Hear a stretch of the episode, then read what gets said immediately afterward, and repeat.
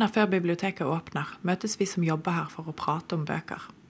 Denne gangen handlet det om eksperimentell litteratur og litterære rariteter. Mari Stokkebakken, som holder denne bokpraten, er forfatter og litteraturviter, og jobber her på biblioteket. Bøkene hun omtaler i denne podkasten, kan du låne her hos oss. Velkommen. Veldig kjekt å se eh, så mange interesserer seg for eh, eksperimentell litteratur her. Det diktet jeg skal innlede med, er helt, eh, helt nytt. Det er intet mindre enn en verdenspremiere. Og det kan jeg si med ganske stor sikkerhet, til tross for at denne diktsamlinga som jeg skal lese opp fra, den ble skrevet i 1961. Og den ble oversatt til svensk i 1991. Nå er ikke jeg så god til å lese på svensk, så det blir litt sånn trøndersk aksent her. Og jeg har heller ikke fått lest diktet før, så jeg har ikke fått øvd meg noe på det heller. Så bær over med eventuell stotring og nøling. När två kan med varann sympatisera må henda snobbig i sin attraksjon. Det salta kjøttet smaker infeksjon. Nog er det mer enn man kan tolerera. I nordanvind de rister mest numera. Der Galilei slepta sina don. Cowboysarna rør kaffet ut med kron. Trots kylan hørs ei noen protestera. I Platons Grekland blommer folks esprit. Et eventyr av møde og magi. At blanda slang med slemmig pekoral. Latin-Amerikas vulgaritet. Din sang forkroppsligar en stor profet. En klokka bongar i en katedral. Jeg skal ikke spørre om eh, noen fikk noe ut av dette diktet. Jeg skal bare si at det var et eksempel på en eh, sonett. Det var en diktform som oppsto i Italia på 1200-tallet. Og den er gjort kjent av bl.a. Francesco Petrarca og William Shakespeare. Og det er en av de strengeste diktformene vi har.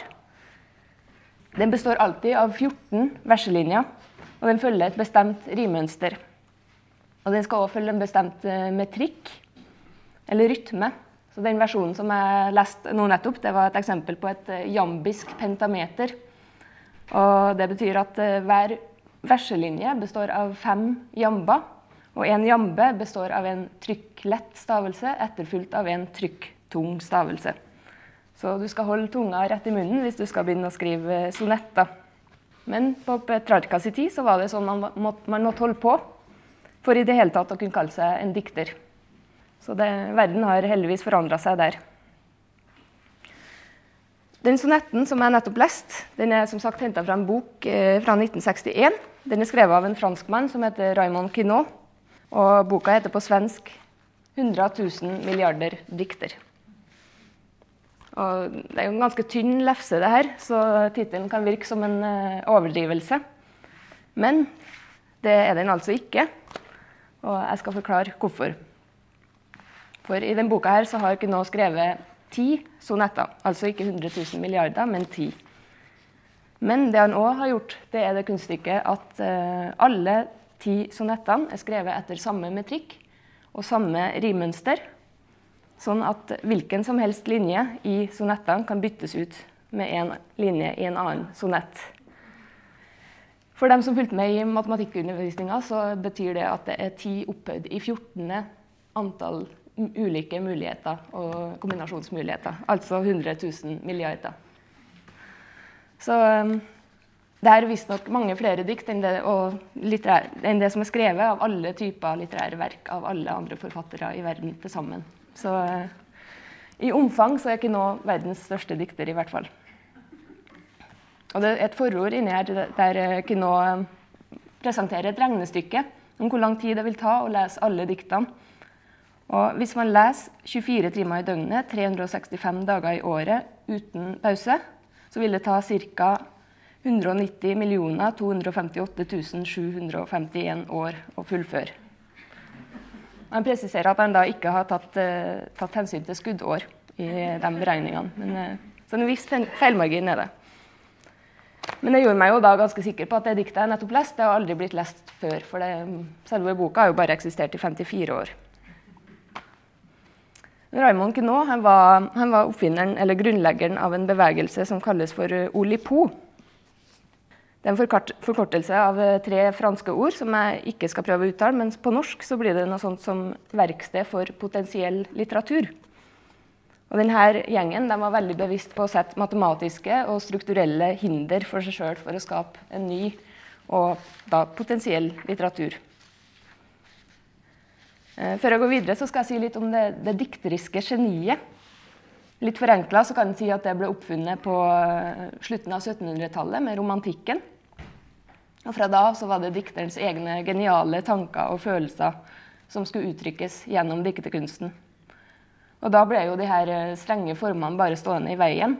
For dikteren visste jo sjøl best hvordan han skulle uttrykke eh, sine altoppslukende følelser. Så, han hadde jo da en gudegave, så det var ikke noe så Gradvis så ble det slutt på å telle antall stavelser i hver linje og legge trykk på bestemte steder og pause på bestemte steder. For uh, utover på 1800- og 1900-tallet så forsvant jo etter hvert rim, rimformene.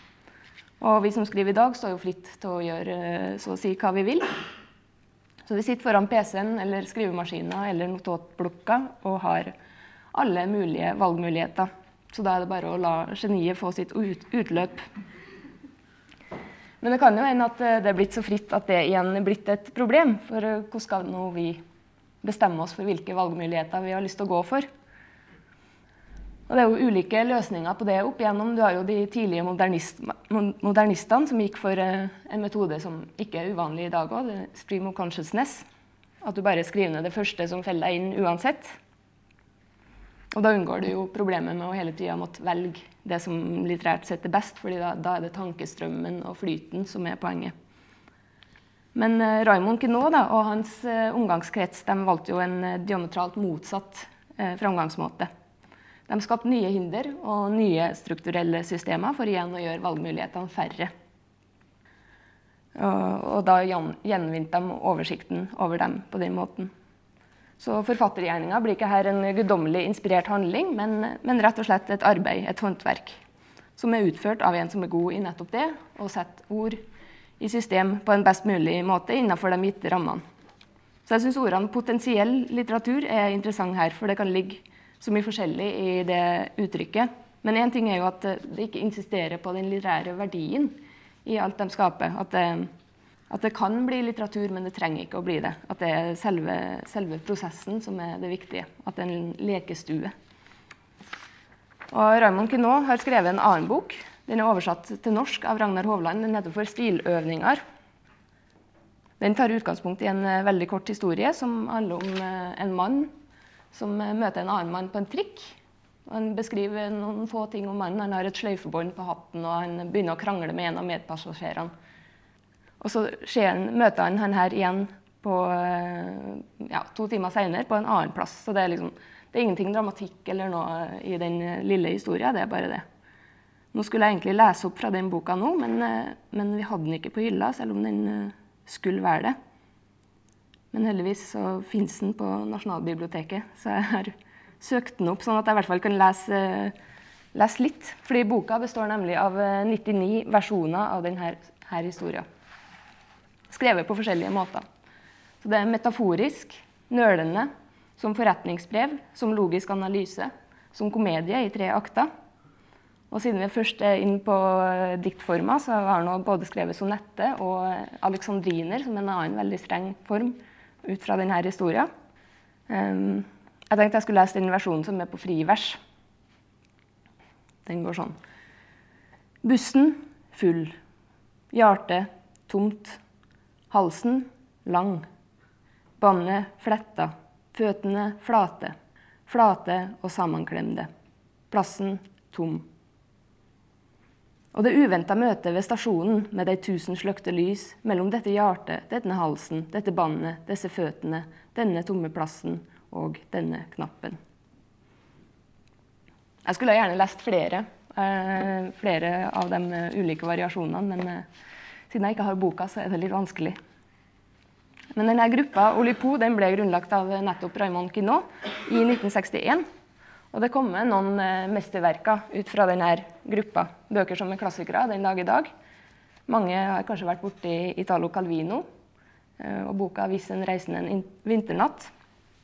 som består av tre forskjellige romanåpninger som alle blir avbrutt av ulike grunner. Så har vi selvfølgelig Georges Perec, som ja, hans bok 'Livets bruksanvisning' den figurerer veldig ofte på, på lista over 1900-tallets beste romaner. Og den foregår da i en boligblokk der, der fortelleren beveger seg mellom rommene i denne boligblokka på samme måte som springeren i et sjakkbrett. Men Perek har òg skrevet en annen bok uh, som virkelig er kroneksempelet på det Olipo-medlemmene drev med. Og den er et kunststykke uten like. Den fins eh, dessverre, men veldig forståelig, ikke på norsk. På engelsk så heter den 'Avoid', og så fins den på svensk under navnet 'Forsvinna'. Den er kommet ut i 1969, og da var det visstnok en anmeldelse som sa, fritt etter hukommelsen, at uh, jo, det var, var, veldig mye bra med den nye boka til Perek. Den handla altså om en uh, herr Vokal som er forsvunnet på mystisk vis. Og anmelderen mente at det var riktig så spennende og godt skrevet. Det var, var ingenting å si på det, men, men, han følte at det var noe som mangla. Han kunne ikke helt sette fingeren på hva. Og I dag er det en kjent sak at det som mangler i denne boka, det er bokstaven E, som er den vanligste bokstaven i det franske språket. Så det er, det er tidenes lengste lipogram. Den er over 300 sider lang, og de eneste e-ene du finner her, er da i forfatternavnet. Så jeg har lest, eh, lest, den, og den kan være litt tung i starten, men, eh, men den blir etter hvert ganske så meddrivende. Det er en sånn eh, page-turner, rett og slett. Det er en litt sånn Agatha Christie-aktig opplegg der hovedpersonene bare forsvinner én etter én. Og som leser så glemmer man av og til den der snodige begrensninga som ligger til grunn her. Men eh, Perek kommer stadig med små hint. Er, I et verk med 26 bind så mangler det femte bindet. Og i et uh, hesteveddeløp med 26 deltakere så blir plutselig den femte hesten strøket. Så det, det, er i det hele tatt utrolig intelligent og morsomt gjennomført. Det var et par eksempler fra Olipo. Jeg skal gå litt fram i tid. Og fra lek til, om ikke alvor, så i hvert fall litt større seriøsitet. Inger Christensen er en dansk dikter, prosaforfatter og essayist som levde fra 1935 til 2009. Og hun er, ja, hun er, en av mine største inspirasjonskilder når det gjelder tanker om det å skrive. Og hun blir stadig mer opptatt av form jo lenger ut i forfatterskapet vi kommer. Så hennes siste diktsamling er kanskje det beste eksempelet på det. Eh, jeg sa tidligere at eh, sonetten er en av de aller strengeste formene vi har. Men det fins i hvert fall én som er enda strengere. Og det er da sonettkransen. Den består av 15 eh, sonetter som er fletta sammen på den måten at den siste linja i én sonett utgjør den første linja i neste sonett. Og så er det da den her 15. sonetta, mestersonetta, som da utgjør førstelinjene i alle de 14 foregående sonettene. Så eh, det er ganske vanskelig. Og én ting er å få det til, en annen ting er å få det til bra. Men uh, Inge Christensen har gjort det. I 1991 så kom denne diktsamlinga. Den heter 'Sommerfugledalen'. Et rekviem. Og um, det var nok en utfordring å skrive med så strenge regler, men ifølge Inge Christensen da, så var det òg veldig fruktbart. Og hun sier noe fint om det. Hun sier at nettopp fordi det skal rime, og nettopp fordi sonetter skal ha en bestemt rytme osv., så, videre, så blir kombinasjonsmulighetene så spissfindige at man lett kan komme til å si noe man ikke har drømt om. Så ikke bare begrenser hun antall muligheter, men hun oppdager helt nye muligheter som hennes eget dikterjeg aldri ville ha kommet på av seg sjøl. Så ut fra en sånn tankegang så må vi tenke at det er språket i seg sjøl som er den største dikteren. Og eh, hvis vi som skriver greier å frigjøre oss fra oss sjøl og vår egen uttrykk, uttrykkstrang, så vil det kanskje skje helt nye ting i språket. Så jeg anbefaler alle å lese 'Sommerfugledalen'. Den er jo veldig tynn, så det tar ikke så lang tid. Og det er utrolig vakkert. Så jeg tenkte eh, jeg skal bare lese det første diktet. Og det fins også på lydbok, så det er verdt å høre på. Da leser hun det sjøl. Det er veldig fint. De stiger opp, planetens sommerfugler som farvestøv fra jordens varme kropp. Sinober, okker, gull og fosforgule.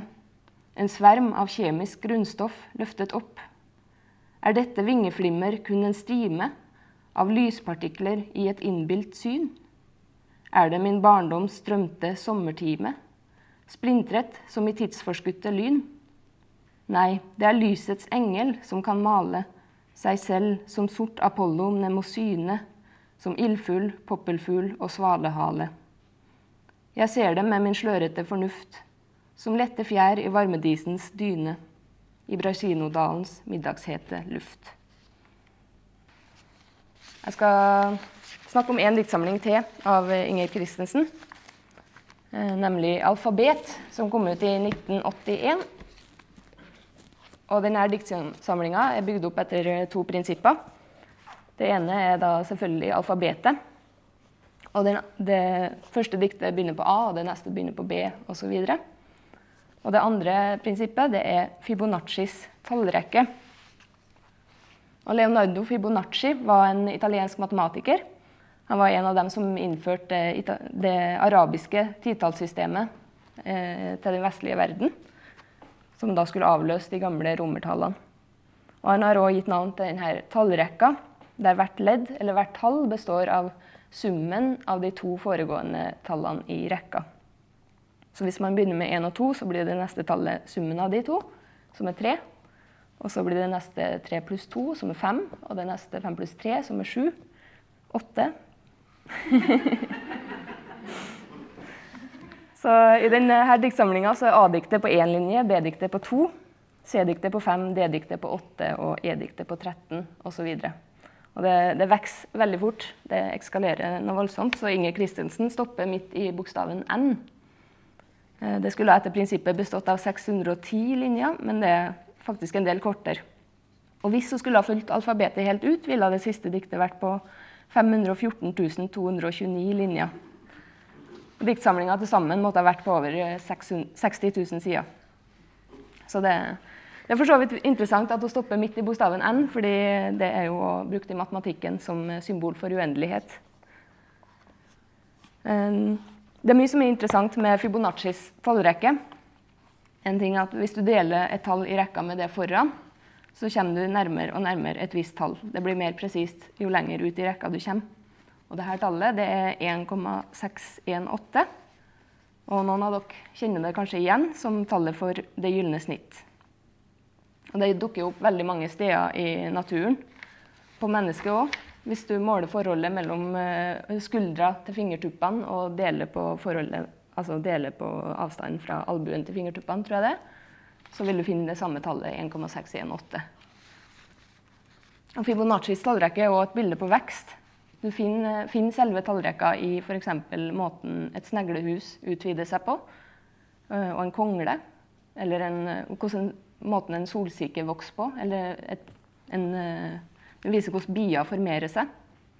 Så det er et veldig grunnleggende prinsipp eh, i, som finnes overalt i naturen. Så på samme måte vokser denne diktsamlinga fram. Og det gjør at avstanden da, mellom diktet og naturen sjøl blir minimal. Så spørsmålet er jo da hvor forfatteren befinner seg i alt det her. For det må jo være en forfatter mellom diktet og, og naturen, eller mellom diktet og verden. Mellom diktet og språket. Men Inge Christensen sier sjøl at uh, når jeg skriver dikt, kan jeg finne på å late som om det ikke er meg, men språket selv som dikter. Så Hvis man ser tilbake på gruppa Olipo, så kan man si at de lekte med å gjøre språket mindre. F.eks. ved å la være å benytte seg av bokstaven E. Men Inger Christensen sier jo faktisk at hun gjør språket større gjennom den typen formegrensninger, fordi den fjerner den største begrensninga av dem alle, nemlig dikter jeg, eller mennesket, som står mellom språket og verden. Den siste boka jeg skal snakke om, eh, er boka 'Paradis' av eh, den argentinske forfatteren Julio Cortazar. Den er overhodet ikke basert på noen formbegrensning. Snarere så er den eh, det motsatte. En slags formutvidelse, eller som første setninga i boka sier. Denne boken er på et vis mange bøker, men framfor alt er den to. Det er altså ikke snakk om en eh, innskrenkning i antall muligheter. I stedet så tar den vare på de mulighetene som allerede fins, og gir det videre til leseren. Så leseren får da et valg i begynnelsen av boka, i utgangspunktet mellom to bøker. Den første boka lar seg lese fortløpende. Den begynner på, på kapittel 1 og slutter på kapittel 56, som er et lite stykke ut i boka her.